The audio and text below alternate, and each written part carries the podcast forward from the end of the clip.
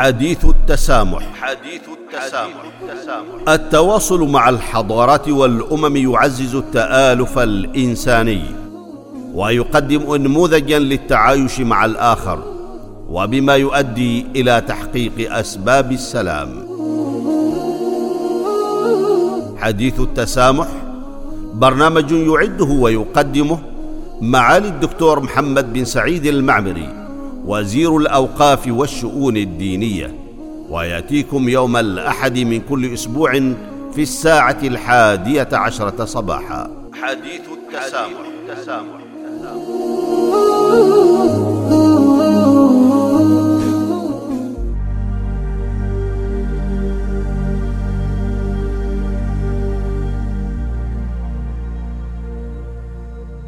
بسم الله الرحمن الرحيم.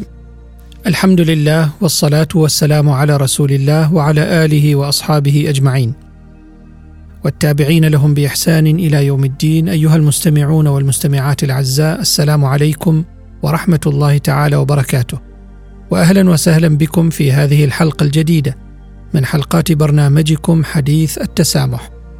تتناول هذه الحلقة من هذا البرنامج عنوان الثقافة وحفظ السلام. أهلا وسهلا بكم جميعا.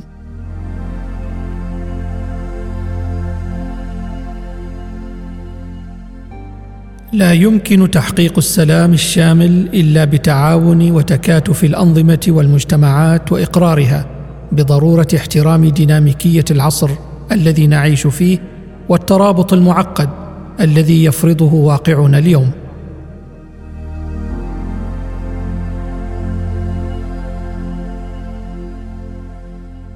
إن التعامل بإيجابية مع التنوع والاختلاف الحسن في هذا العالم يفتح ابوابا للتواصل بين الثقافات في شتى المجالات ويمهد الطريق نحو حوار الثقافات والأديان مما يسهم في خلق واقع أفضل للجميع ومستقبل من السلام الشامل في الأرض.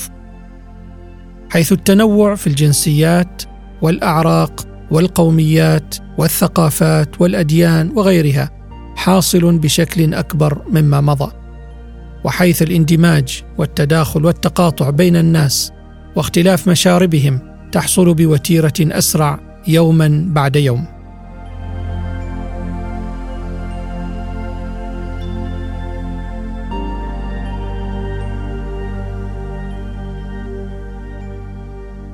إن عالمنا الذي يزيد ترابطا وتنوعا واختلافا في كل لحظة تمر عليه يفرض علينا ضرورة البحث عن طرق لبناء أرضيات مشتركة. أرضيات تبنى على أساس من القيم الإنسانية المشتركة. يجتمع فيها الناس للالتقاء كأسرة بشرية واحدة.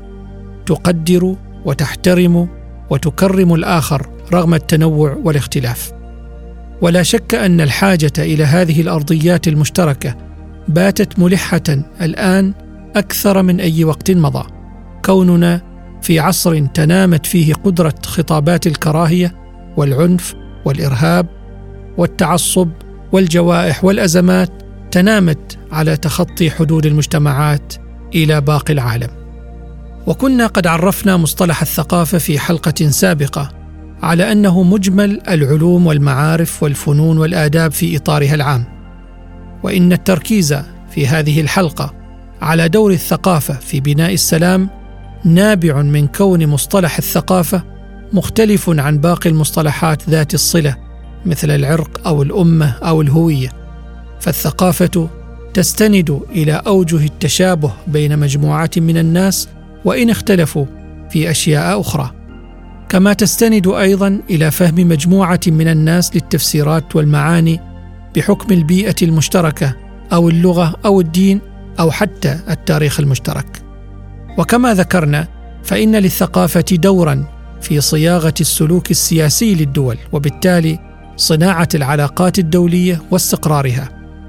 وتم الاعتراف الدولي بالتراث الثقافي كمكون جوهري للسلام الشامل والمستدام لأول مرة في العالم الحديث في بنود اتفاقية دايتون للسلام في 1995 ميلادية.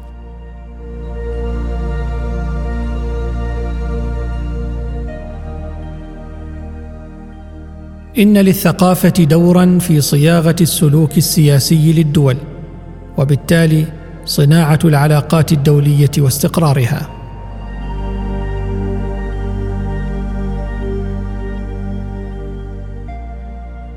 في هذا السياق فإن تعزيز التواصل الدولي من خلال مجالات حوار الثقافات وبرامج التبادل الثقافي يساعد في توفير أدوات ثقافية حيوية تساعد الناس في فهم الاختلاف والتعامل مع التنوع بفكر إيجابي يسهم في زيادة التفاهم وإثراء الحياة والاحترام والتسامح. ولا يهدف التواصل الثقافي إلى حل المشكلات أو وقف ظهورها ولكنه يهيئ المناخ المناسب للناس ليجدوا حلولا لمشكلاتهم بعيدا عن العنف والتطرف. ذلك أنه يعزز الفهم المشترك بين الثقافات المختلفة من خلال تقليل سوء الفهم والتفسير الخاطئ ويسهل تطوير أساليب الحوار والتفاوض لأجل منع تفاقم الخلاف والنزاع حيث إن عدم فهم الآخر يرفع من فرص ظهور خطاب الكراهية والتمييز وبالتالي الجرائم المرتبطة بها. أيها المستمعون والمستمعات الأعزاء تلعب الثقافة دورا محوريا في ربط الناس معا رغم الاختلافات وهي أساس بناء التماسك الاجتماعي والأمن في الداخل وتعزيز السلام مع الخارج. ومع الأسف وبحسب منظمة اليونسكو فقد شهد العالم خلال العقدين الماضيين استخداما متزايدا للثقافة كوسيلة لنشر الانقسام داخل المجتمعات ومع الخارج. ولم يأتي استغلال الثقافة في مثل هذه السياقات إلا لأهميتها وارتباطها العميق بالناس وجذورهم. وإن أضرار وعواقب استغلال الثقافة لأغراض الانقسام والخلاف تبدأ من الداخل فتضعف بدورها النسيج الاجتماعي والوئام المجتمعي وتفتح للشر الأبواب من قوله تعالى ولا تنازعوا فتفشلوا وتذهب ريحكم.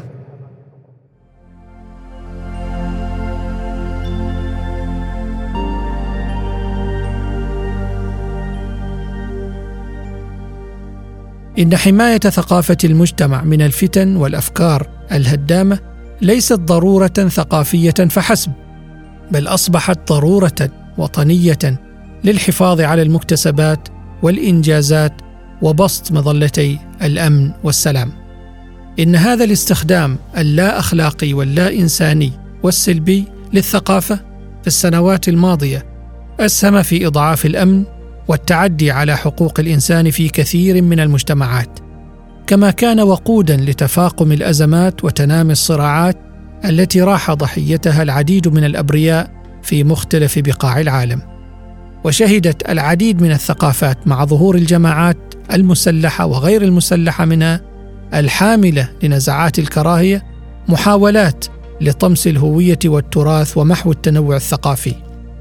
وبحسب الدراسات فإن الهجمات على التراث الثقافي استهدفت أغلبها مناطق ذات تنوع ثقافي كبير وغني حيث تتعايش مجتمعات من خلفيات ثقافية ودينية مختلفة معا وتشكل اشكالا من التعبير الثقافي الفريد. وفي المقابل شهدت العديد من المجتمعات التي اهتمت واعتنت بالثقافة وبجوانبها المختلفة وربطتها بالهوية والانتماء الوطني لتعزيز التماسك الاجتماعي شهدت ازدهارا ملحوظا في مستويات الأمن والسلام والرفاه الاجتماعي. ذلك أن الثقافة بمكوناتها ومكنوناتها المتعددة إذا تعززت فيها احترام الذات والآخر فإنها تبني مجتمعات متسالمة ومتصالحة مع ذاتها والآخر.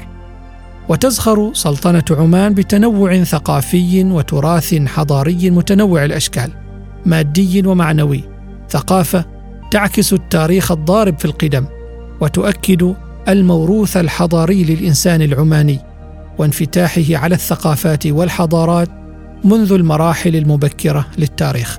وهي ثقافة محبة للسلام أسهمت في إيجاد مجتمع فريد بقيمه ومبادئه مجتمع متآلف يسعى ويعمل من أجل السلام.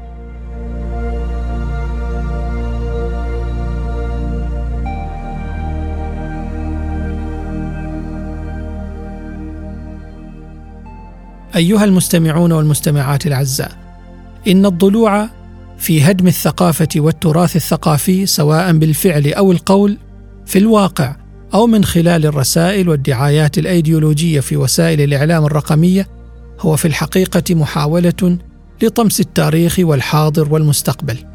وهذا ما دعا الدول الأعضاء إلى اعتماد إعلان اليونسكو بشأن التدمير المتعمد للتراث الثقافي في العام 2003 لإيمانها بأن الثقافة عنصر حضاري مهم لبناء الحاضر والتطلع نحو المستقبل. ولقد أقرت سلطنة عمان مع الدول الأعضاء مشروع إعلان اليونسكو بشأن التدمير المتعمد للتراث الثقافي كما أقرت كذلك قانون حماية التراث الثقافي الذي صيغ بهدف الحفاظ على التراث الثقافي المادي وغير المادي. والترويج له بسبل منظمة ومتطورة. وكذا الاتفاقيات العالمية التي تعزز حماية التراث العالمي الثقافي والطبيعي. ويؤكد تقرير منظمة الأمم المتحدة للمفوضية السامية لحقوق الإنسان للعام 2019 على اعتبار الحقوق الثقافية إحدى اللبنات الأساسية لتحقيق أهداف التنمية المستدامة المرتبطة ارتباطا وثيقا ببناء السلام وحفظه في العالم.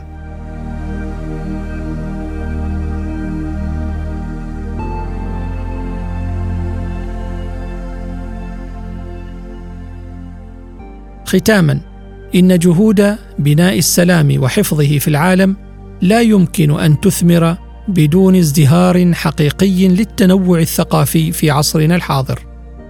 وإن حماية الثقافات ومكوناتها أساسي لاستدامة المجتمعات المحبة للسلام وإن محاولات طمس الثقافات والهويات تؤكد الحاجة إلى تطوير الأدوات الحضارية المناسبة لحماية ودعم الحقوق الثقافية تحقيقا للأمن والاستقرار والسلام. وإلى الملتقى في حلقة مقبلة بإذن الله من برنامجكم حديث التسامح. حتى ذلك الحين نستودعكم الله والسلام عليكم ورحمة الله تعالى وبركاته.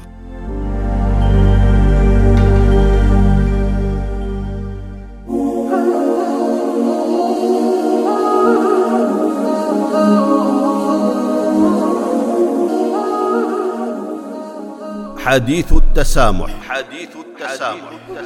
التواصل مع الحضارات والأمم يعزز التآلف الإنساني.